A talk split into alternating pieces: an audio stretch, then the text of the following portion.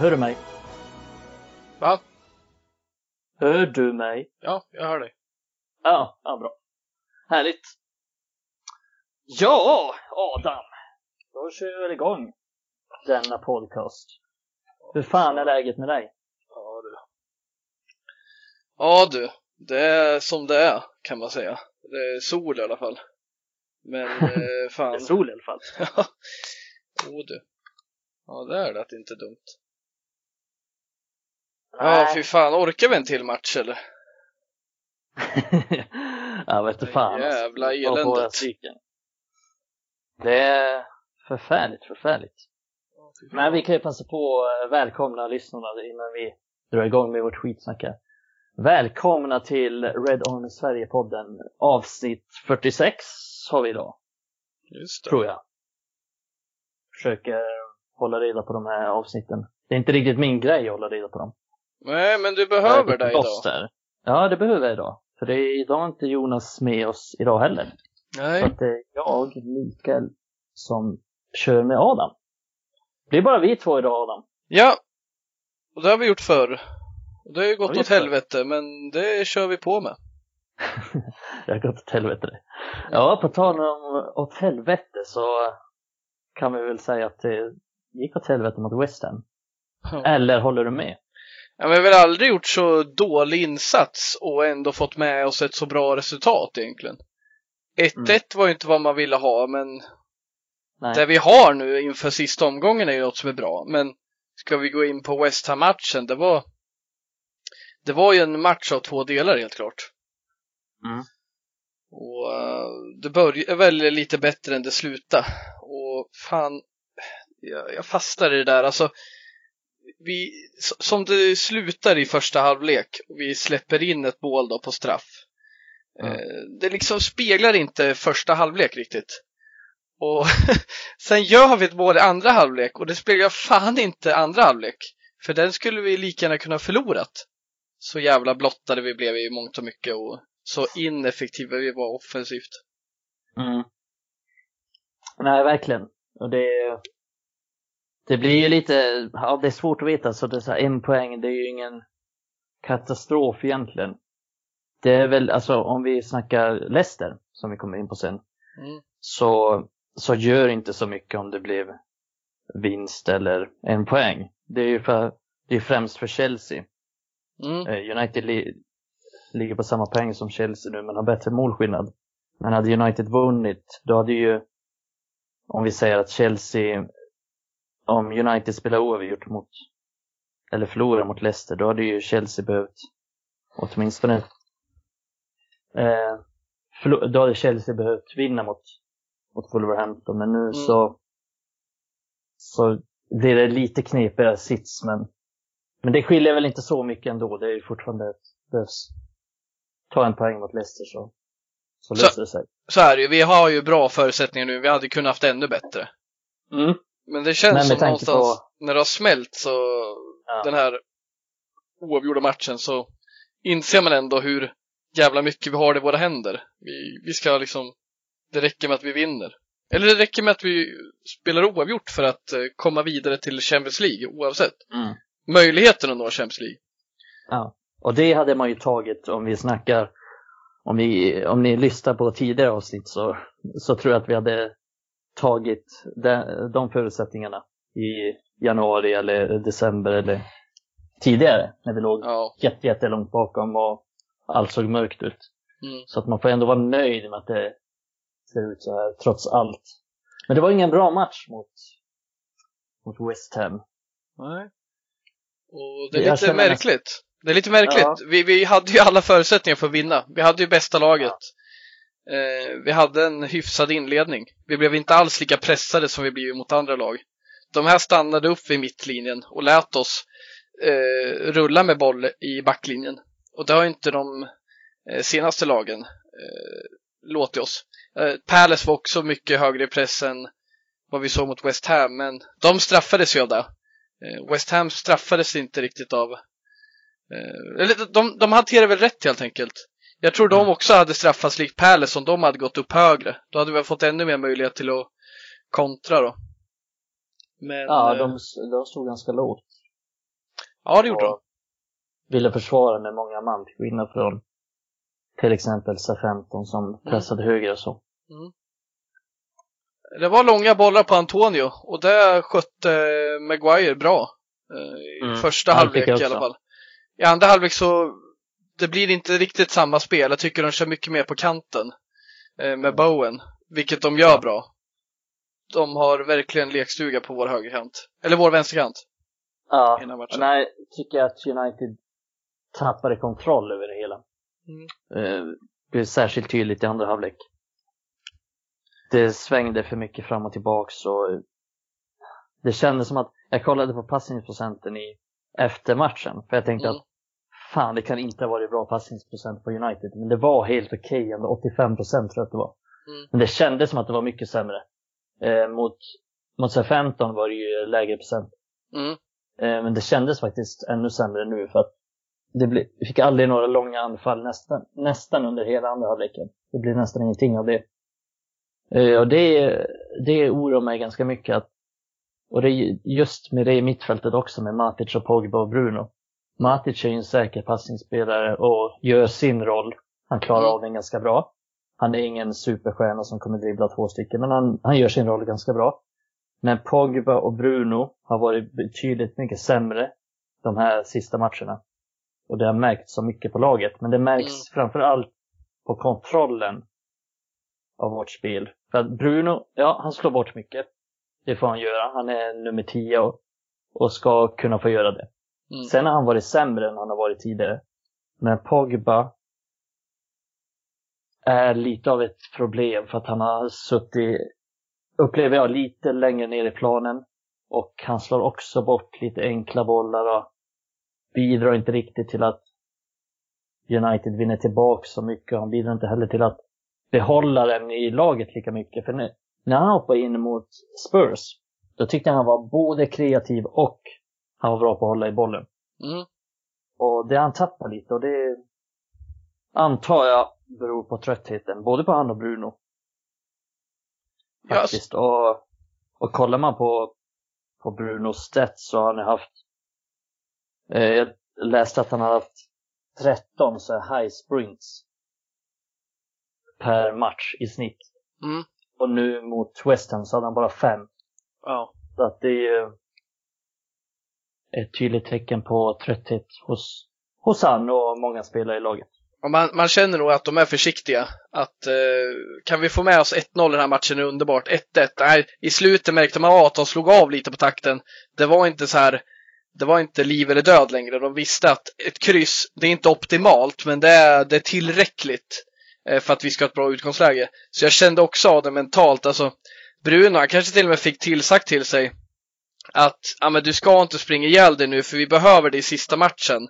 Det är okej med ett oavgjort även fast vi alla här vill vinna. Tänker att Solskjaer säger det. Men när vi ändå kommer på att säga till då på det du sa om Pogba.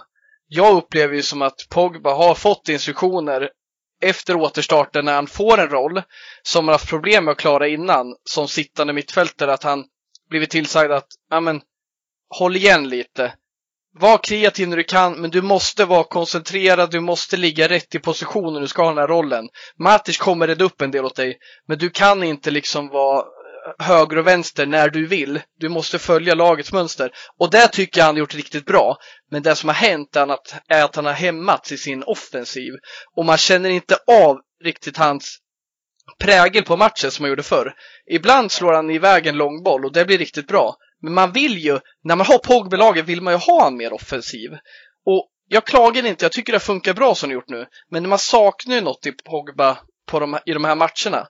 Han har varit bra, men inte alls den Pogba eh, man känner igen. Och jag säger att han är bra, för han har gjort det bra i den rollen han egentligen inte klarar av särskilt väl. Men det har funkat. Och när det kommer till Bruno där då. Jag tycker Mati slog så mycket bra passningar genom mittfältet för att hitta Bruno. Pogba fick också sådana bollar. Men de levererar inte där liksom. Och det är som du säger, Bruno var inte tillräckligt bra i matchen. Och han och Rashford om du sa att lag har 85% i passningssäkerhet så står ju Rashford och Bruno för de 15 som försvann nästan. Det är väldigt mycket bollar de slår bort. Men det är okej okay, som sagt, men inte i den här månen. Man ska kunna slå bort bollar och det är det jag alltid älskat med Bruno sen han kom, att han, han vågar. Men det blir mm. lite mycket nu på sistone och det handlar ju också om trötthet. Det handlar inte ja. om att de ska vara försiktiga, det är trötthet, koncentration. Det är sådana saker som brister när man blir trött. Man slår bort lite enklare mm. bollar än man eh, naturligt gör. Och det är ju grejen med Bruno, att som du säger, han har alltid lyckats, men han har också alltid misslyckats. Mm. Eh, även när han varit bra de tidigare matcherna så han, han har misslyckats med många passningar. Han har aldrig haft, han har aldrig haft, eh, den här matchen hade Matic 92 procent i passningsprocent. Mm. Det har ju Bruno givetvis aldrig någonsin kommit upp i. Nej. Han har ju kring 75-80 max i passningsprocent. Eh, och det ska han ha. Han ska slå svåra bollar och då misslyckas han ofta. Men nu lyckades han inte särskilt ofta heller och då blir det ju påtagligt när han slår bort den för tionde gången. Mm. Utan att ha lyckats. Och då, då märker man av det på ett annat sätt. Och Ja, just Nej. det där om vi hade fått in ett mål, då hade man inte reagerat lika mycket på att Bruno slår bort, Nej. för man vet att det händer någonting. Men när vi går i stå och vi liksom inte kommer till tillräckligt mycket farliga lägen, det gör vi i och för sig i den här matchen. Men generellt, att vi behöver få in ett mål för att eh, man ska kunna sumpa fem bollar. Men som sagt, jag har inget bekymmer med det i längden, men det var en anledning till att vi var, var svaga mot West Ham. Det är att vi inte är tillräckligt eh, fokuserade och vi orkar inte riktigt med det. Och det kan ju bli en utmaning, men det går vi in på sen mot Leicester. Men fan vad trötta vi såg ut. Och särskilt i andra halvlek. Det var jävligt verkligen. tydligt. Ja, det var, det var verkligen så tydligt. Och fick aldrig igång något spel egentligen. I, fick aldrig någon rytm, någon timing utan det kändes som att halvleken bara flög förbi och det blev ryckigt utan att någonsin kom igång med någonting. Mm. Och hade svårt att få till eh, bra, långa anfall. Och det är, det är som du säger, man, man saknar Pogba där uppe. Det är, när han kommer rätt från lite utanför straffområdet, då tänker man hela tiden någonting kommer hända. För att han är så pass bra där. Han är bra på att dribbla, han är bra på att skjuta, han, är, han kan slå instick, han kan... Han har liksom alla de verktygen. Och samma med Rashford när han får lägen att komma en mot en där och Martial när han kommer rättvänd för att inte ta den Greenwood när han kommer rättvänd. Mm. Men vi fick aldrig riktigt till de situationerna. Och nej, jag håller med, man saknar Pogba där uppe för att han är så, han är så farlig när han, när han kommer i de lägena. Och han, hela laget blir bättre. En helt annan, det är som säger, en helt annan aura kring laget när Pogba kommer upp där. För att han är ju som en tupp liksom. Mm. Han är ju, han syns och han hörs och han, det är det United man vill se, men han har... Nej, Ole verkar gilla att ha honom. Vi har snackat om det tidigare. Ole verkar gilla att ha honom ganska långt ner. Och jag tänker också, du sa det innan att jag tror Ole var lite försiktig i den här matchen också. Att det får fan inte bli förlust. Så att Nej.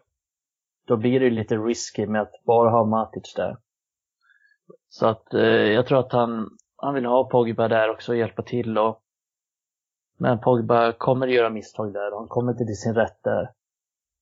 Så att det, ja, det är det spelsystemet Ole vill ha. Då måste Pogba nästan spela där. Ja, och jag, jag tänker så här, det var ju som Melker nämnde det här med spelsystem. Att man kanske behöver se över hur vi ska spela i framtiden för även fast jag tycker Pogba gjort det okej okay, som central mittfältare så känner jag, nej men det är inte hans riktiga position, det är inte där vi kommer få ut det mesta av han. Just nu så lägger vi treans växel med honom och kör plattan i botten, men vi når inte högre. För han kan inte både vara Pogba Prime och en liksom fokuserad central mittfältare som ska bryta eh, bollar och liksom stå rätt. Så frågan är ju vad man kan göra framöver, om man kan köra någon slags 4-1, 4-1 då vi får möjlighet att ha två offensiva pjäser som Pogba, Bruno och egentligen trampa lite på varandra i en sån här, i en annan formation. Men här så kan de båda vara och leka lite under anfallaren och samtidigt ha ett ankare då. Kanske inte Matic om två år, men det, absolut under nästa säsong tror jag. Men, men som sagt, det där är något man måste slipa på för För den där, den är väldigt offensiv formation, just den jag nämnde nu som Melker tog upp. Eh, det är den Leicester har kört och det har ju funkat under perioder. Men har man inte rätt manskap hela tiden för den formationen, ja då faller det liksom. Ja. Jag tror att det är, det är det United måste göra någonstans. Man måste hitta rätt formation så att man får in. För vi, Pogba, Bruno, Rashford och så vidare, det är våra bästa spelare. Vi måste hitta formationer för att få dem att maximera sin potential. Och Pogba gör inte det i den här, i den här formationen. Och, och just Pogba tror jag att det är en spelare som jag tror kan göra nästan 14-15 ligamål bara. Om han liksom, kanske 15 ligamål kanske i överkant, men fem, minst 15 mål totalt under säsongen om han spelar på en offensivare position. Och det snackar man inte bort. Det är inte så att man hittar mittfältare på marknaden hur som helst som gör så många mål. Så att det, det måste man verkligen utnyttja. Man får ju det... fråga sig vad det vi vill ha med honom, vad det vi vill få ut av honom. Ja. Och det är ju en spelare som drar, skott, drar iväg skott när, när det passar, som kliver in i straffområdet och nickar. Han har ju alla kvaliteter för att bli en målmaskin. Han mm. skulle egentligen kunna spela striker, för han har hela registret när det kommer till eh, i alla fall de tekniska kvaliteterna. Mm. Han är nickstark, han har bra skott, ja. han har, eh, kan placera bollarna. Precis, Så. nej det tycker jag verkligen är en bra poäng av dig. För att han, vad är tanken med honom? Mm. För just nu känns det som att tanken är att ja, men han är en bra spelare, då ska han spela där bak. Men det är, man kan få ut så mycket mer av honom och det finns ja. inte så många Pogba i den här världen. Det är, det är så många lag som skulle bara, jag tror inte att alla lag kommer gå ut och försöka köpa honom för att han kommer kosta så jävla mycket pengar och mm. man får Raiola på det och det och det. Men jag tror att alla lag skulle ta honom om man bara liksom lägger in Pogba där och det kommer funka. Mm. Eh, med spelaren och med agenten och så vidare och så vidare och ingen ögonskumma. Då tror jag att alla skulle ta honom för att han är så pass bra. Han skulle gå in i alla lag också. Så nej, det, det gäller ju verkligen för Ola att få det att funka och fick inte ut mycket av det mot West Ham. Dessvärre. Verkligen inte. Och jag kan säga så här, jag vill inte ha Bruno så sittande heller. Jag vill inte ha Pogba så sittande. Jag vill hitta en lösning där vi kan få ut det mesta av båda. Och ja. de är för bra för att vi ska göra något halvdant med dem. Mm. Och så då. Intressant sak förresten, det var ju inte riktigt vår bästa elva vi spelade med. Vi hade ju en liten en ny, nästan nykomling i Fosumensa som är tillbaka igen på sin mer eh, ordinarie position får väl sägas. Mittback eller högerback är han ju snarare än en vänsterback som han var mot eh, eh, ja nu kommer jag inte ihåg vilken match var han vänsterback mot? Nej, Crystal Palace. Palace, så var det. Mot gamla Palace. Ja. Och, och där tycker jag verkligen speglar matchen. Eh, ytterbackarna hade jättemycket problem. Eh, Fosumensa, ja. det var inte överdrivet på hans kant. Han, han gjorde inte bort sig. Det var just Nej. hans eh, uh, rätt korkade tackling han gör. När mm. han kör nästan dobbarna före på Antonio som blir frisparken. Som i förlängningen också blir målet. Mm. Uh, den, den är liksom, han fick gult kort, gör det där. Solskjaer tvekar inte. Nej, jag, fan, jag kan inte lita på dig nu. Du måste ut. Eh, du har gjort en okej okay match, men så här kan du inte hålla på. Och det är samma med Williams. Förmodligen, om Shaw hade varit eh, frisk och suttit på bänken så hade ju han fått komma in i den här matchen. Men nu hade vi ju inga andra. Vi hade fan inget bättre att sätta in än Williams på kanten. Men han hade väldigt svårt. Men det är lätt att se och byta honom också för, för det är ingen som hade gjort det bättre av det vi hade på bänken. Eh, Nej.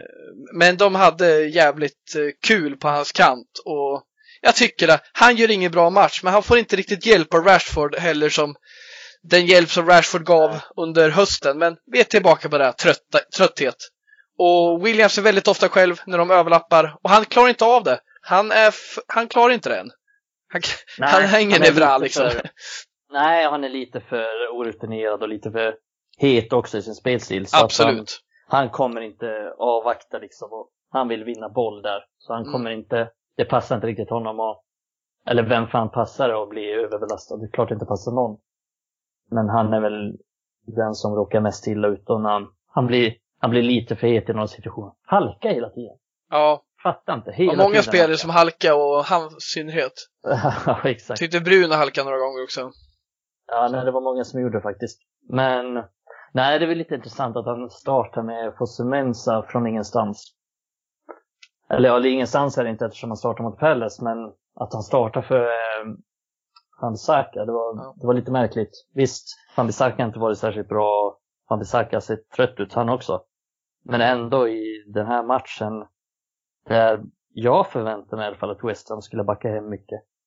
Och det är klart, Fambisaka passar inte riktigt till det heller, men men bättre än Fosumensa. Ja, det var inte, det tyckte det var- jag var lite märkligt. ja, han sa inför matchen att eh, ja, men han har en liten skadekänning. Men vi har han på bänken så ja, han Mm. kanske hoppar in om det behövs. Det var jätteskumt. Jag tror inte på det. Jag, han har inte varit nöjd med Fambisaka efter återstarten. Med Nej, all rätt, han har inte varit usel, men han har fan inte kommit upp till standard. Och det ska sägas att om inte AVB är 100% i defensiven och bryter och tacklar och rensar, ja då, då är han inte superbra. För det är förutsättningen att han är en högerback i United. Det är 100% i defensiven och då är han en av de bästa eh, defensiva försvararna i ligan. Men när han är lite ja, disträ som jag skulle vilja säga efter återstarten, ja, då räcker han inte till. Så då har till och med Fosumensa fått en startplats här. För han har väl sett att han varit pigg och rapp på träningen. Nu när Mm. han är skadefri. Men det där är intressant. Jag tror inte att han hade en skadekänning för då hade jag inte tagit in honom. Då hade jag ju liksom, ja, eller i och för sig, han, var- nej, jag köper det inte. Dalot var väl Nej, på bänken också? Ja, Dalot också. Det är ett skämt för fan! Stackars Dalot, vad fan, han kommer ju bryta ihop snart. Om han inte redan gjort det. Ja, Ja, men hur det- illa är det inte nu? Ja, det är illa för Dalot just nu. Det är, Ja. Han är inte nöjd med honom efter de senaste bravaderna. Nej, men det, då kommer vi in på det här med truppbredden också. Att det är klart, jag förstår helt att han vill peta Fambisaka. För Fambisaka har varit, som du säger, han har varit svag. Men det finns inget att sätta in just nu och då, då kan man fråga sig, är det så jävla smart att göra det just nu? Och då kommer vi fortfarande in på det här med truppbredden. Hur mycket ska man rotera, hur mycket ska man inte göra? Det är, det är svårt för oss att veta, som inte ser träningarna, som inte känner av deras trötthet, som inte känner spelarna på det sättet. Det är svårt att spekulera i det. Mm. Men det känns som att han inte borde ha, bytt Fambisaka och det kände jag redan innan faktiskt. Men det är lätt att vara efterklok också, för jag tycker att Fambisaka var helt okej, alltså rätt så bra när han kom in ändå. Ja. Bättre än Fosumensa Ja. och bättre än Williams. Så att jag tycker att han borde ha startat, men jag förstår varför han känner att nej, det är fan dags för dig att bli bänken. ja, det är väl bra att han får veta att han inte är odödlig. För han har ju vetat om det under säsongsgång att nej, men Dalot kommer aldrig ta min plats. Men nu Mm. kommer en annan kille som visar framfötterna och som är bra i grunden, men han kommer kanske aldrig riktigt få visa det. eh, Vad jag tror i alla fall, med tanke på hans skaderegister. Men när han är frisk och vi, ja, han kom in, gjorde det liksom, gjorde ju inte bort sig totalt, men han räckte ju inte till. Och vi fick ju väldigt mycket lägen i offensiven där han kunde slagit inlägg och tryckt fram, men det gjorde han inte. Och där håller jag med dig. Även fast AVB inte är klockren offensiven så hade han ju bidragit mer och försökt komma till inlägg oftare. Det Mm. gjorde han ju Ja. faktiskt i andra halvlek. Jag tycker hans inlägg är helt okej, okay, Fambisakas. Sen har han ju brister i uppspel och teknik och fan det är flera gånger i den här matchen också. Han bara, man tänker att det är en vanlig passning och så bara får han för dålig touch. Det är, det är frustrerande som fan.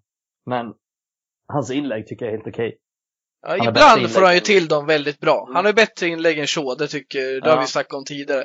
Men sen är de ju liksom, ja, det finns ju 15 högerbackar i ligan som har bättre inlägg än honom fortfarande. Såklart. Ja, det är lite av ett problem och det blir väl kanske ett problem med den här matchen också med Williams inte är särskilt bra. Ganska bra offensivt när han väl kommer fram på kanten. När han väl slår inlägg och han drar en skottfint där och slår ett inspel som Mm. skapar kanske den bästa chansen som United har förutom målet. Men jag, tycker, jag tycker han ofta safear, vilket jag inte fattar varför.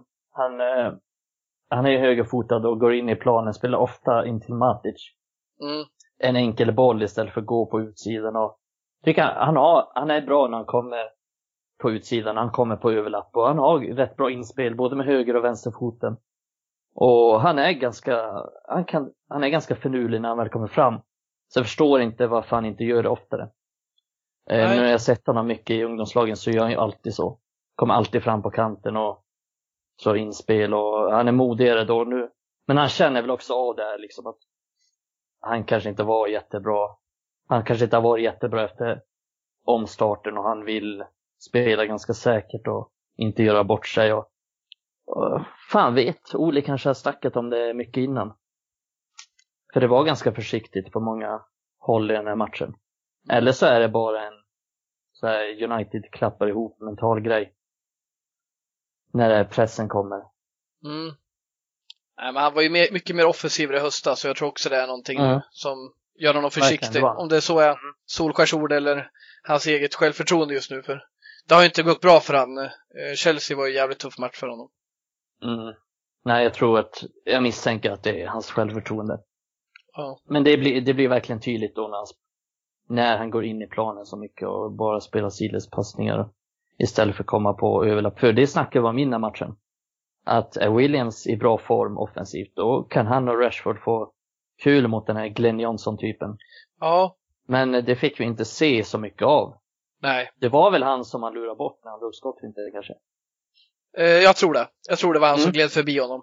Eh, ja, precis. Och, och, det där är så, så intressant, för jag trodde ju jag snackade ju om det, att det skulle vara deras svaga sida. Det är deras ja. svaga sida, men Rashford tog inte möjligheten. Och ja. när vi väl gjorde det, när Rashford slår den här i djupet till Williams, det var väl Rashford som slog fram passningen? Kanske inte var. Ja. Förresten, Nej, det var ett annat läge. Det var två gånger som de kom förbi. Det gick liksom, men det hände för sällan för den här Ben Johnson, han slog ju väldigt mycket bollar ut över sidlinjen och var ju väldigt osäker.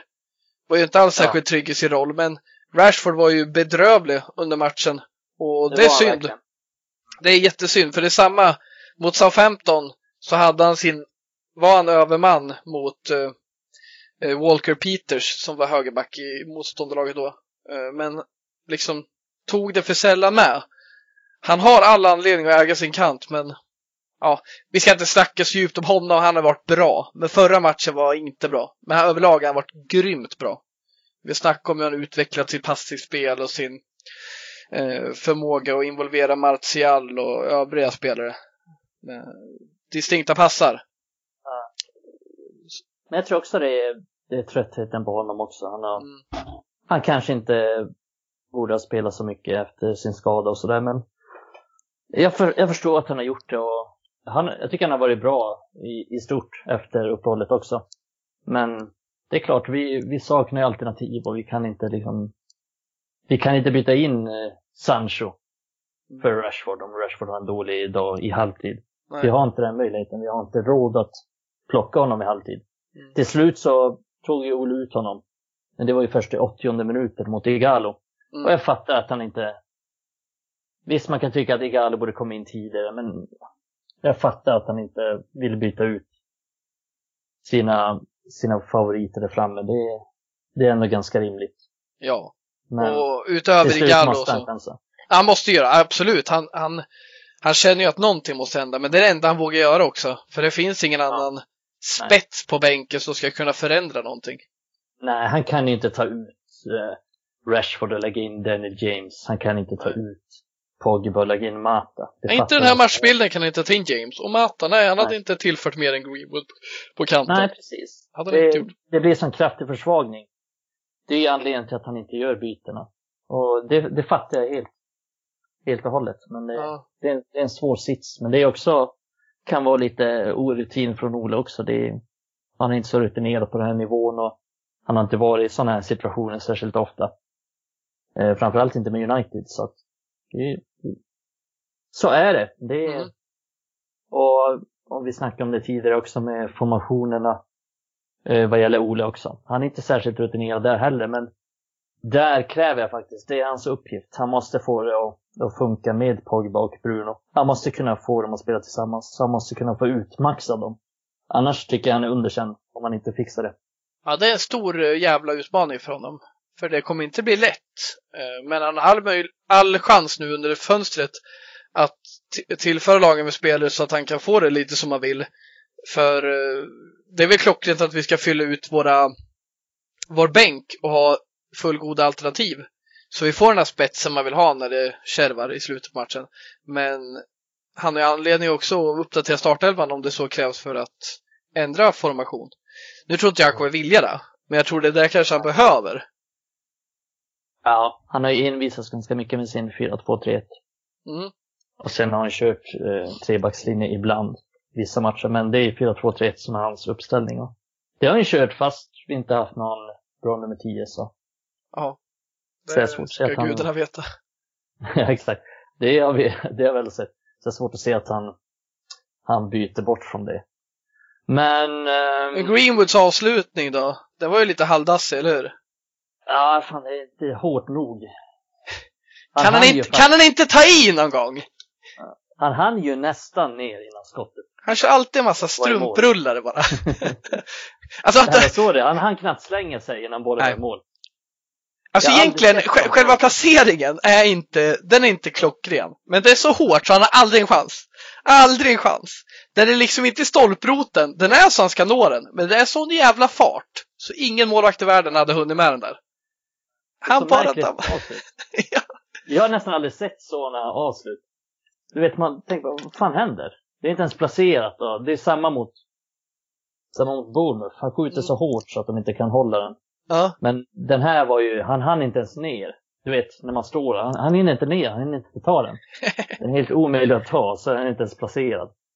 Och dessutom, ish utanför straffområdet nästan. Det är typ vid straffområdeslinjen, tror jag. Han är ju inte riktigt bekväm med att göra mål innanför. Det ska gärna vara utanför. Ja, nej. Nej men det är sjukt. Ja, det- Och det är intressant som du som följt dem eh, tidigare när han var i ungdomsleden. Var det vanligt liksom att han drog iväg de här? Det får ändå ses som lite patenterade för honom. Och drämma på när han får läge. Alltså det är inte några smörplacerade eh, avslutningar. Det är ju stenhårda med ett steg liksom. Och jag kan tänka mig att det kan ha förändrats med åren. Eh, eftersom att det är andra krav i Premier League och så. Eh, Ja. Du, du Nej. gör liksom inte fyra mål i Premier League hur som helst. Men det kan du göra i ungdomsleden om du möter ett chipslag och har en sån enorm talang liksom. Nej men det är det som är konstigt. Han har nästan aldrig sett sådana avslut från honom. Eh, de flesta avsluten är ju inte jättehårt, ganska placerade. Sen har ju några så här drömskott i krysset. Men de flesta har han ju ganska löst in till stolpen bara. Ja. Eh, så att han har ju alla de verktygen i sin låda. Han kan avsluta hårt mitt på. Och han kan avsluta löst vid stolpen. Han har så många olika förmågor, både med höger och vänster såklart. Mm.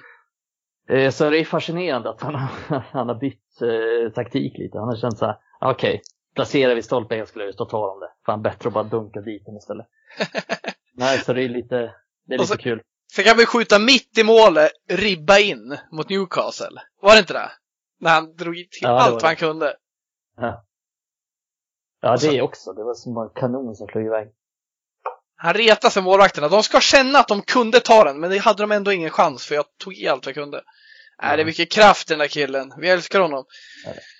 Och det är mycket, på tal om det, alltså uppbyggnaden till det målet. Då ser man att det finns en helt annan kvalitet i vårens United jämfört med höstens. Då har det kanske inte anfall sett ut så där och de kombinationerna sett ut så där. Men Mm. det var ett riktigt snyggt mål och där visar Greenwood också, som jag snackade om innan, där visar han faktiskt hur bra han är i spelmässiga toucher, spelförståelse. Eh, hela tiden rätt beslut. Det, det, det är extremt sällan att ta fel beslut. Vi har snackat om det i gruppen också. Mm. I vår Redan i Sverige-grupp. Att han han, näst, han skjuter nästan aldrig i fel läge. Man ser alltid så här och sen passar han bort den. Tänker man, kunde inte skjuta? Nej, han kunde fan inte gjort det. Eh, han, har allt, han har den förmågan att alltid ta rätt beslut också, trots Mm. att han är så färsk och att han bara är 18 år. Så att, nej, det är... Det är moget att kunna ta de besluten. För många anfallare vill ju bara skjuta och testa hela tiden. Men han, han testar ju inte så. Han, han skjuter när han får läge och därför har han ju en bra XG. Eh, Mm. så. Men, nej, men Rashford har inte den förmågan.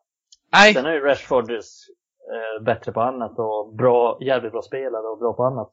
Mm. och så, men han har inte den mognaden, tycker jag. Den spel, jag tycker inte han har den spelförståelsen som Greenwood har, helt enkelt. Eh, och så får det ju vara, såklart. exakt.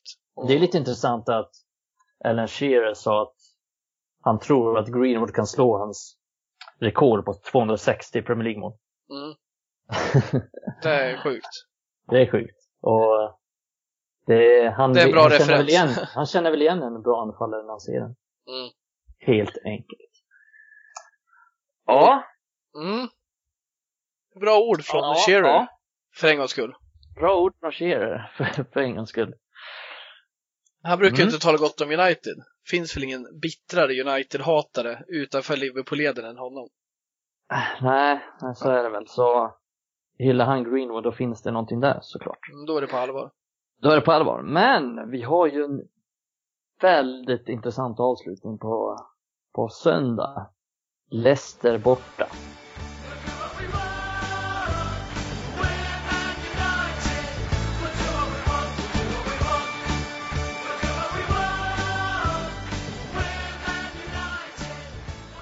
Ja, vänner. Leicester, Leicester. Söndag, sista avgörande matchen. Det är som en final, egentligen. Ja, det är det. Vi är där Jävla nu. mycket på spel. Fan vad det här kändes oväntat. Det känns som halva säsongerna handlar om rent elände och man har typ tänkt att Europa League är vår enda chans, eller man, jag har i alla fall tänkt så. Europa League är vår chans till Champions League, men nu står vi här, vi har det i våra egna händer. En vinst mot Leicester och vi är i Champions League nästa år. Oavgjort mot Leicester i Champions League nästa. Ja, eh, minst eh, ja, kval då kanske. Ja, kval. Kval och kval kval och kval! Men Ja. ja, ja det, blir, det blir sannerligen intressant. Ehm, ja, det, fan, det känns, det känns lite jobbigt. Det känns ju som att Leicester har inte den bästa formen och det känns verkligen som att vi ska klara oavgjort, men det, samtidigt så jävla risky. Borta mot Leicester och bara gå dit och, nej men vi ska ta en poäng. Mm. Det är svårt att spela på det Ja, resultatet. för fan, gör de det? Om Ola har samma inställning som mot West Ham, då kommer vi förlora. För det kommer bara Ja. gynna Leicester. Leicester är sårade. De är halta. Vi ska bara köra över dem nu. Och vi är kanske trötta, men om vi kör någon slags oavgjort och var nöjda med det. Nej, fan, det kommer straffa oss. Vi måste gå för den här matchen. Det är de som gynnas om vi börjar tänka på något annat än seger. Mm. Vi fan dopa oss eller någonting. Det är inte läge att vara trött nu. Nej. Det är sista matchen. Det är, sen blir det vila och det blir slask om någon vecka och så. Så det är, det är bara det är bara att köra på den matchen. Det är det, är det, som, det som gäller och det känns lite oroande måste jag säga.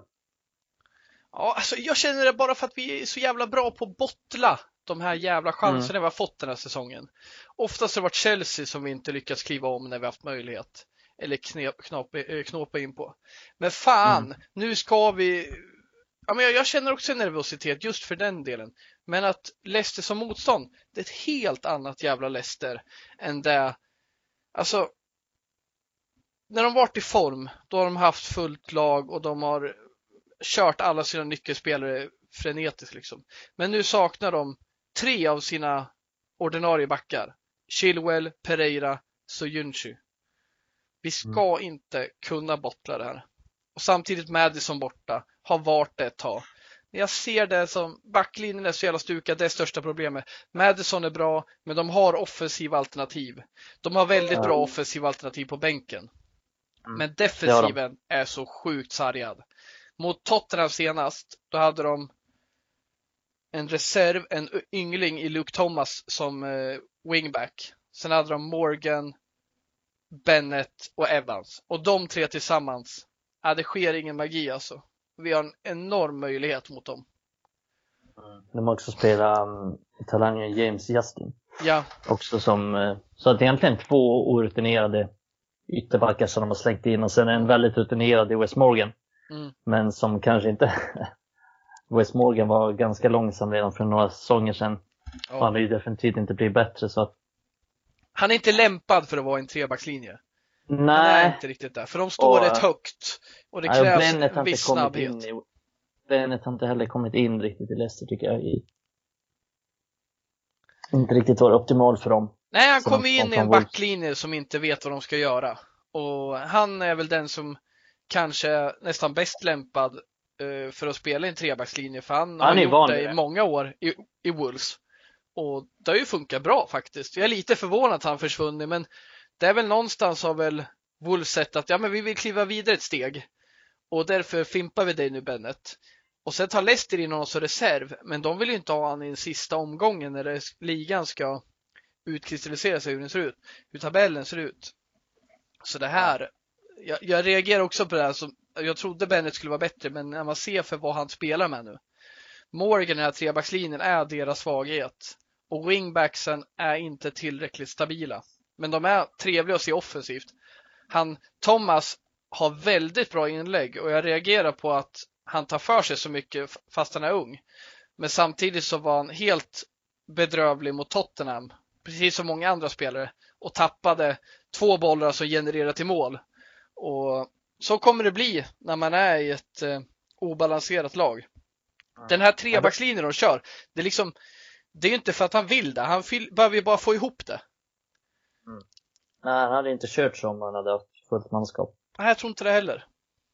Och eh, det är ju, de är jävligt sårbara för omställningar i, i trebackslinjen där och han är ju givetvis medveten om det, Brennan Rodgers. Mm. Att, att de absolut inte får släppa till sådana omställningar som de gjorde mot Spurs. De ägde ju matchen mot Spurs. De ägde Ja. bollinnehavet, de hade Alltså de hade långt över 60% bollinnehav tror jag den matchen. Mm. Till och med uppe mot 65. Alltså så pass mycket boll. Men de blev straffade i omställningarna gång på gång på gång. Ja. Och de lämnade stora ytor där och blir det så mot United, vilket jag inte tror att det blir. Jag tror inte United kommer få så många så stora ytor. Jag tror inte Leicester kommer ha så mycket boll som de hade då. Eh, då kommer det givetvis gynna United, men jag är inte säker på att matchbilden blir så. Men jag hoppas på att den blir så. Ja, det skulle verkligen vara till vår fördel. Och som jag upplevde Tottenham när de eh, satte Leicester i obalans så satte de en rätt eh, bra press och rätt fysisk press på deras mittfält. Men jag tyckte ändå de lät deras mittbackar eh, hålla i bollen rätt mycket. Och West. Morgan, Evans, Bennett spelade eh, mellan varandra innan det gick uppåt i planen och gjorde det rätt högt upp vid, redan vid mittlinjen. Och här Mm. ser jag en möjlighet för oss att sätta en hög press som Tottenham gjorde bra, men även på deras mittbackar. Och det gör vi bra i tidigare matcher och vi ska fortsätta det. Och just låta Morgan vara den som slår den sista bollen och att vi sedermera kan eh, göra omställningar. För det kommer bli ytor bakom dem. Som du säger Mikael, det kanske inte blir så mycket ytor som det blev mot Tottenham. Men de ytorna som blir, oavsett, det kommer komma ytor bakom Morgan och Bennett. Evans ser jag inte lika mycket som en, en eh, risk för dem, för han, är- han är bra. Han, eh, precis som alla har haft en dålig period på sistone. Men Bennett och Morgan är deras svagaste spelare eh, av mittbackarna. Och sen såklart wingbacksen också, sätta press på dem, för de kommer också vara en del av uppspelet. Och det kommer bli ytor där bak med. Men eh, jag tycker vi kan sätta ännu mer prov på de här än Tottenham gjorde. Och då lyckades de ändå göra tre mål. Men vi får komma tillbaka till det som du säger. Det är inte säkert att de är så här naiva. För det är naivt att ligga så högt i back, eh, med sin backlinje med så här pass begränsade eh, rent eh, fartmässigt, snabbhetsmässigt. Mm. Nej, det är, det är lite intressant att de, att de gjorde ju så, men det är väl också lite det är väl någon filosofi som Rodgers har också som han är ganska stolt vid, tänker jag. Men, eh, mm, nej det blir, frågan är om, vi, vi var inne på det tidigare när vi snackade om matchen mot West Ham. Frågan är om United har energin och har, har eh, liksom så pass fräscha ben och pigga ben att man orkar pressa så högt mot dem. Det är ju den stora frågan. Det är ändå det är lätt att säga liksom, men det är heltidsproffs, de har fått vila, de ska vara klara av det, de ska vara tränade, men det funkar inte, funkar inte alltid så i praktiken. Nej, Men jag hoppas verkligen att, för det är en sak Ole har jobbat på med tidigare lag och som han har tryckt på mycket att nej, men de var för dåligt tränade under Mo- Mourinho. Att vi ska pressa högt, vi ska vara vältränade. Det är fan dags att visa det nu. ja. Att det, är, det har varit jävligt slitet på många håll. Och ska den här träningen ha gett något resultat då, då måste det ju liksom sitta i den här matchen. Ole har ändå varit här ett bra tag nu. Mm. Så att det, han kan liksom inte skylla på någonting längre. Han har i princip alla tillgängliga också. Ska sägas, det är väl lite tveksamt. Luke Shaw är väl lite 50-50 men jag tror att han är med. Jag tror med, jag tror han kommer starta. Jag tror att ja. även om han är lite, os, lite halv så här, ah, men jag kan spela men jag är inte hundra, då kommer jag spela honom. Mm. Och så tar han in Williams som han skulle känna av. Precis, för... och Bissaka startar definitivt. Jag tror att Boll ja. spelar 45 minuter senast också. Så. Absolut. Det finns liksom, alla är tillgängliga i princip. Mm. Mm, förutom det är väl, det är Tron Sebe och Jones som inte, men ingen av dem skulle ha startat ändå. Så att, eh, nej, det finns inte så mycket att skylla på. Det är, det är bra förutsättningar för United. De vet vad de behöver. De behöver en poäng. Och det är, nej, det är fruktansvärt dåligt om de inte fixar det. Speciellt med tanke på West matchen också. Och att man haft chanser innan. Oavgjort mot 15 också innan. Mm. Så, nej, det, det ska de väl bara lösa. Ja, och sen får vi se hur det blir med Vardy också. Det ser jag som deras enda stora hot egentligen. Eh, de har bra spelare. Harvey Barnes är en av deras bästa poängspelare på kanten. Men jag tror inte det är där de kommer hota. Det är som vanligt. De kommer försöka de kommer försöka röra sig mot eh, Lindelöf med en snabb eller en stark spelare. Och jag tror att Vardy passar honom bättre än andra anfallare. Men eh, det är liksom, det är deras riktiga hot. Sen är Jose Perez en jävla gubben i lådan som kan bli jobbig. Men de har inte tillräcklig kapacitet idag för att kunna eh, hota oss om vi är i form. Men som sagt, då måste vi lägga matchplanen direkt, eller rätt från början. Och det tycker jag faktiskt att, ja men, nu kör vi sista matchen och vi sätter press, för det är det som har gynnat oss i tidigare matcher. När vi, när vi är laget som pressar och vi kan ställa om. Sen eh, Mm. Ja, det blir intressant att se vad Vardy kan göra, för han är alltid livrädd för. Mm. Men brukar inte vara så bra mot United alltid. På mm. sista åren. Och det är bara att gå tillbaks till, till förra mötet. Vilket känns som en evighet sedan. Ja. United vann med 1-0 hemma. Eh, så att, nej det känns ju ganska bra, men man har, som jag sa innan, man har den här lilla oron om att de inte ska klara av det mentalt också. Det, fan det det är väl så att vara supporter. Det, man är lite nojig för allting. Man räknar med alla risker och det finns en del risker med att bara gå in med inställningen att ja men en poäng så klarar vi oss. Mm. Men det, det roliga är att det, det kan ju lösa sig även vid förlust som om Chelsea förlorar då. Chelsea har en ganska svår match hemma mot Wolves. Mm. Um, så att, men det kan man ju inte räkna med att, att de förlorar. Jag tror inte att Chelsea förlorar men jag tror att det mycket väl kan bli oavgjort i den matchen. Så att det krävs ju att United gör sitt faktiskt. Verkligen. Du nämnde det här med mentala. Vad tror du är det värsta då för laget? Är det tröttheten eller nerverna? Ju... Jag tror faktiskt det är, att det är tröttheten. Mm. Eh, fysiskt. Men som sagt, eh, vi har varit inne på det innan och det är många som har varit inne på det. Det, det här laget är inte Ferguson starkt mentalt heller, men jag känner ändå att jag tror på Pogba och Rashford och gänget mentalt faktiskt. Mm. Jag tror att de är, att de är starka nog. Absolut. Håller du med? Ja, alltså, ja det håller gör jag. Jag, håller, jag håller med, med om att eh, de, de här är ju trötta och det är ju det som kan få oss att tappa under matchen. Och det såg vi mot West Ham att vi inte riktigt orkar med. Mm. Jag känner så här. Eh, jag skulle faktiskt, jag kan tänka mig att Ole, jag vill att han ska köra hög press. Men jag kan tänka mig att han inte kommer göra det. Och just för att vara lite försiktig i början. För att sedan kanske kunna orka med lite i slutet av matchen. Och i själva verket kanske inte gör så jävla mycket om Leicester nu vill ha mycket boll. Men, men jag tror inte Leicester kommer vilja ha så mycket boll. Jag tror att Leicester kommer köra lite längre och det funkar i en sån här uppställning och det gjorde de bra mot till exempel Sheffield United. Mm. Att de ja, De var men, bra i den matchen. Ja, men precis. De har lite fler spelare längre upp i planen och de har lite mer bredd. Så de kan eh, gå längs kanten istället för mitten som de gärna gjorde i höstas. Och då är det okej okay för oss att eh, ligga lite lägre ner. Men, men jag tror samtidigt nyckeln kommer vara att sätta press på deras backar och deras centrala mittfältare. För jag tycker Ndidi var dålig mot Tottenham och han har tappat lite. Och även fast han är en av deras bästa spelare så, så han har sett slarvigt ut på sistone. Och deras backar har ingen bra kontroll över bollen. Men de tillåts hålla lite bolltempo och, och styra from the back. Och det tror jag verkligen är nyckeln för oss, som sagt.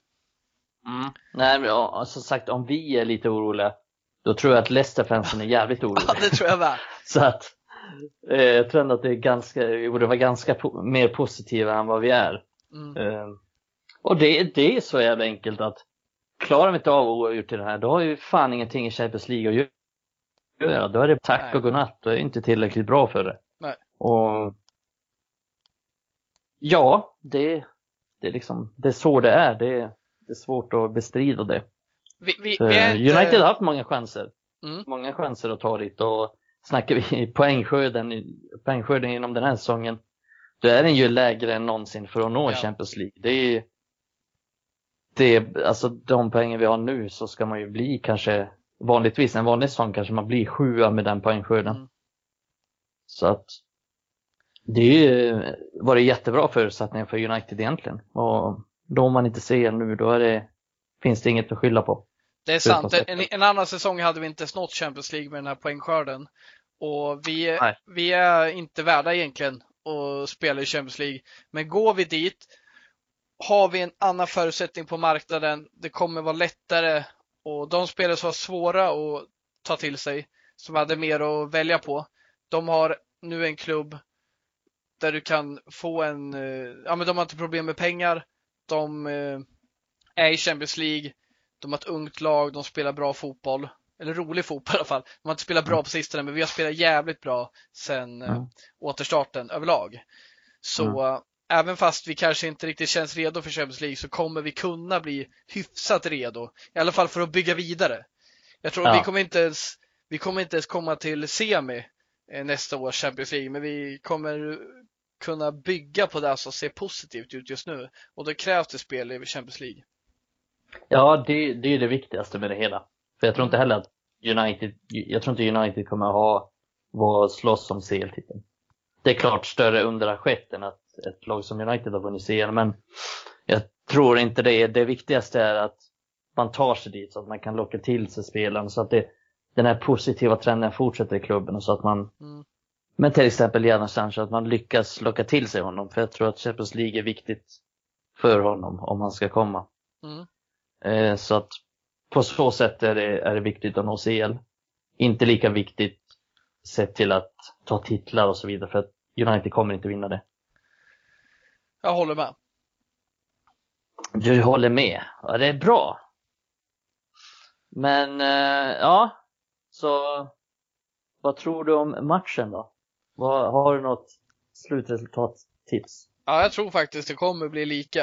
Eh, vi ska bara vinna, så är det. Men jag tror faktiskt att eh, det blir lika. Vad ja. tror du? Det är också lite lika känsla. Jag tror att det blir 1-1. Eh, sen hoppas jag att Chelsea förlorar också så att de tänker att Chelsea ligger under med 3-0 och så vet United och Leicester om det. Så spelar de en så här Sverige-Danmark match i som blev 2-2 då. Står bara och passar runt bollen.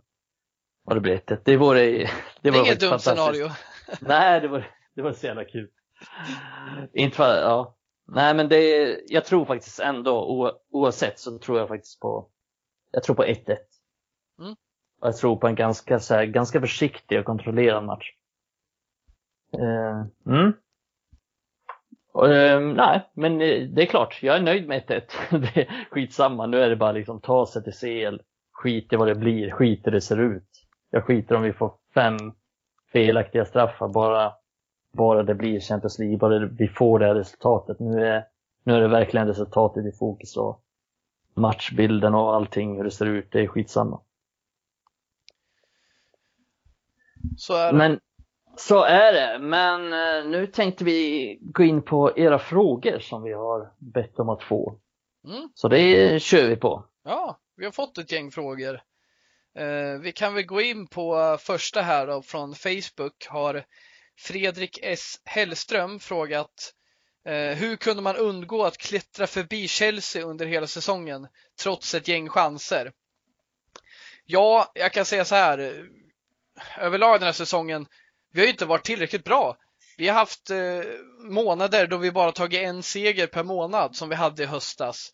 Vi har eh, gjort jättebra resultat mot bättre lag helt plötsligt och kommit upp och Chelsea har tappat. Men liksom vi har inte haft någon stadga. Eh, nu nyligen gjorde vi likadant då mot Southampton. Men det handlar mer om att Southampton är ett bra gäng som vi eh, borde vunnit mot faktiskt, som det såg ut. Men vi släppte in ett, eh, ett dråpligt mål i sista sekunden. Eh, så, så, vi har inte varit tillräckligt bra helt enkelt. Och det här kanske inte händer nästa säsong. Men eh, man kan titta, handlar det om att vi är nervösa? Nej, men det tror jag inte. Vi, vi håll, har inte hållit den här säsongen och Chelsea har faktiskt varit lite jämnare, men nu har de börjat tappa. Eh, eller så här, Chelsea har inte varit jämnare egentligen, men mer jämna än oss har de ju uppenbarligen eftersom att de håller sig snäpp över. Men... De har vunnit fler matcher. United har haft ja. en del oavgjorda då. De har, det är det som har varit en skillnad. Nu är man på samma samma poäng, men det är väl det som har varit skillnaden tidigare, att Chelsea har kanske vunnit någon fler medan United spelade oavgjort då. Mm. Så att det är väl det som har varit den stora skillnaden, skulle jag säga. Jag tror inte heller på att det är riktigt mentala. United har inte varit tillräckligt bra och kollar vi tabellen genom säsongen så har United bara vunnit 17 av 37 matcher. Så att det är, det är inte så jävla ofta man vinner. Vinner inte ens hälften av matcherna så alltså. så det, det är väl det som är det största problemet, att man inte har varit till, tillräckligt bra, tycker jag. Ja, men den är bra. Uh, Jocke Sjöstedt på Facebook har frågat vad tror ni är den största boven på slutet? Trötthet till följd av tunn trupp eller nerver? Och det svarar ju Mikael på förut att han tror det mm. handlar om trötthet. Mm. Ja, det kan såklart vara lite mentalt också, men jag tror att det mesta är, är trötthet faktiskt. Det, det är alltid svårt att spekulera i såklart, men det är, det är min känsla i alla fall, min magkänsla. Ja, det blev ju tydligt mot West Ham liksom.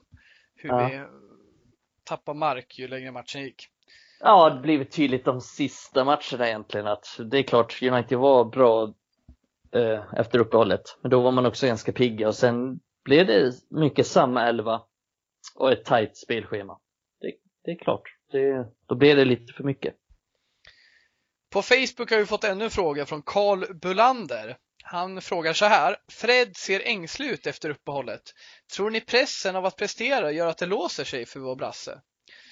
Jag, jag känner så här med Fred att eh, ett, efter uppehållet så har vi haft en ganska utpräglad startelva. Fem matcher i rad körde ju Solskär samma startelva. Och eh, det som hände då var att Fred fick sitta på bänken för vi prefererade Pogba och Matic på centralt mittfält. Och när vi väl har sett han, ah, men det har inte sett klockrent ut och jag känner väl så här, ett, ja, han har varit the thing en gång under den här säsongen och nu har han blivit nedpetad. Det är klart det är tufft. Uh, sen har jag trott att han kan komma in med sin energi och göra bättre ifrån sig. Men också, jag tycker väl inte att Fred gör sig så jävla bra i matcherna vi har spelat efter uppstarten. Mycket har varit där vi själva har bollinnehavet och där tycker jag inte att Fred är som bäst. Fred är som bäst när han till exempel med McTominay eh, eller Matic i toppmatcher mot City, Tottenham mm. eh, liksom får eh, leva lite på instinkt, vinna bollar, slå upp dem. Ganska enkelt, men när Fred ska ha mycket boll och vara i ett bollförande lag, då är han inte lika bra. Och han är inte dålig, men absolut inte lika effektiv som till exempel eh, Pogba eller eh, Matic. Lite mer bollar framåt, lite mer eh, kloka beslut skulle jag säga. Och helt kort och gott, Fred gillar när när det är kontringsfotboll. Han får inte lika mycket tid med bollen. För det tycker jag, han kladdar lite mycket på bollen och det är inte till kollektivets fördel. Även fast mm. han har varit bra den här säsongen, väldigt bra. Men det är inte som bäst när vi har eh, tryckt ner motståndarnas eh, backlinje. Nej, och det är väl lite han startade ju mot Spurs första matchen efter uppehållet. Ja. Och både han och McTominay startade och det är väl delvis för att de var bra innan. Eh, ganska mycket på det. Men också för att de var bra i den typen av matcher. Så att du har helt rätt där att han passar inte riktigt i, du ska styra spelet mer och sådär. Utan han är som bäst när, kanske när det blir lite snabbare spel, snabbare omställningar och, Mm. och lite så. Mm, håller Han, med. han är ju en mardröm för motståndare som håller i boll och det är ju till exempel en sån som Kanté har fått erfara. Och City har fått erfara flera gånger. Sen har vi en till fråga här då. Oles brist på rotation? Frågar eh, Kasper Takalo på Facebook. Oerfarenhet? Frågetecken. Eh, ja, det, det är intressant. Mm, vi har ju berört det lite men jag tror att det, det mesta handlar om att han inte har någonting, han känner att han inte har truppen för det. Han känner att han inte tycker att de är tillräckligt bra, de som är på bänken. Det tror jag är det största problemet. Mm. Men sen tror jag också att han är lite oerfaren. Eh, Jag nämnde det lite tidigare i avsnittet här att han är lite oerfaren på den här nivån och har kanske inte lärt sig exakt hur han ska rotera, hur han ska hantera truppen och så. Han, är, han vill ju vara Ferguson, men det är ingen som kan vara Alex Ferguson på att rotera. Finns, finns ingen. Det är den grejen jag var mest imponerad med, med Ferguson. Det var att han kunde rotera, han kunde byta in någon som inte har spelat på tre månader och den spelaren kunde vara bäst på planen. Mm. Det är extremt, om ni tänker tillbaka så är det extremt sällan han tog fel beslut. Eh, vad gäller, till exempel han kunde sätta in Gilson Park och han var bäst på plan. Och man bara, vad fan hände? Mm. Han kunde lägga in Darren Gibson. Han var inte bäst på plan, det var han ju sällan, men man kände bara, fan, det gick bra. Det var ett bra val. Mm. Eh, och så tror jag inte att, jag tror inte att Ole har den förmågan. Jag, tror inte att någon i hela världen har den förmågan, förutom honom. Ja, Eh, har så man att- den förmågan så krävs det nog ett jävla långt tag med sin trupp för att eh, lita Mm. på alla spelare och förstå allas. och känner dem Ja. så jävla bra. Nej men jag tror att den största anledningen är att han, han har inte riktigt truppen att laborera med och därför vill han inte byta. Och sen har han ju sagt på en presskonferens till exempel att vi har spelat jättebra med de här spelarna så det finns inte så stor anledning att byta. Och det är såklart någonting han kanske måste säga utåt. Han kan inte säga nej, jag har för dålig trupp. Jag kan inte byta in James för han suger. Eh, så, men jag tror att han innerst inne tycker lite att han kan inte byta in någon för att de inte är tillräckligt bra. Mm. Ja, det är en bra synpunkt. Vad säger du Mikael, hinner Mm. vi med en till klurig fråga? En till klurig fråga kan vi ta tycker jag. På Facebook har Mattias Gustafsson frågat Hur ska man överleva en förlust? Och den är ju, ja den är tråkig såklart. En förlust kan ju innebära att vi fortfarande går vidare. Men om vi leker med tanken att en förlust innebär att vi inte går vidare till Champions League. Mm. Ja men då är det ganska tråkigt. Eh, Då är vi tillbaka på ruta ett någonstans. Ja. Jag hade väl nästan förväntat mig i höstas när säsongen utspeglade sig som den gjorde under inledningen. Eh, att ja, vi är under uppbyggnad. Vi har många ungdomar som får komma in och testa eh, spel och det har inte varit så dumt att spela i Europa League med tanke på hur många nya unga spelare vi haft och eh, att Ole faktiskt bygger om från grunden nu och har skeppat iväg eh, startspelare som Lukaku, eh, Småling och eh, vad heter han nu igen? Jag får inte fram Herrera. Många lirare. Ja, nej, så, ja, men det är ju tufft såklart. Jag, jag skulle ju tycka det var förjävligt. Men hur hanterar man Mm. det? Vad tror du? Hur överlever vi det? Vi överlever, men hur hanterar vi det? Ja, exakt. Nej, men jag, jag tänker så här att det är klart det skulle suga om vi inte når Champions League, speciellt när vi har haft så många chanser nu på slutet. Men i höstas så förväntade inte jag mig i alla fall någon Champions League. Så då får man väl tänka lite på det att vi är trots allt, även om det inte ska bli Champions League, och det är ju suget att säga dem som United-supporter just nu, även om vi skulle komma femma Premier League så är det faktiskt ett steg framåt. Hur vi än eh, vrider och vänder på det. Med tanke på hur det har sett ut de senaste åren. Men eh, jag tänker också säga att United har spelat Champions League-finaler. Förlorat två stycken på ganska kort tid mot Barcelona till exempel.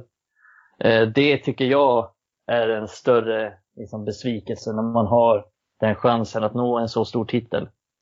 Här är liksom, ja, man får tänka, visst Champions League, det är klart det är viktigt. Men vi, vi slåss om, vi lägger våra liv liksom på att komma fyra eller femma i ligan. Mm. Och ja, värre saker har hänt Manchester United och kommer hända. Tänker jag. Men det, det är klart. Champions League vill man nå. Ja men det är bra del det där med vad vi var sen inför vi, säsongen och att vi faktiskt ja, kliver framåt exakt. nu och utvecklas. Ja, sen har vi ju eh, Europa League också som är en Champions League-chans. Det är liksom, skulle United vinna Europa League, skiter väl fullständigt om United kommer fyra eller elva i ligan om man vinner Europa League. Det är inte viktigt vad man kommer i ligan då, så länge man inte vinner den. Om man ändå når Champions League på annat sätt, eller tar någon annan titel. Mm. Mm. Ja, det är bra ord. Bra ord, bra avslutande ord, hoppas vi. För det var allt vi hade för denna gången och vi hoppas ju att ni har fått en ganska bra uppladdning. Vi spelade in lite tidigare så att vi kunde snacka upp de här matcherna och förhoppningsvis eh, får vi någonting positivt att, att snacka om nästa gång vi, vi spelar in podden. Det vore ju för jävligt om vi missade. Så att eh, vi får tacka alla lyssnare för att ni varit med. Alltså, tack för alla frågor som vanligt. Många bra frågor och många frågor, vilket vi gillar.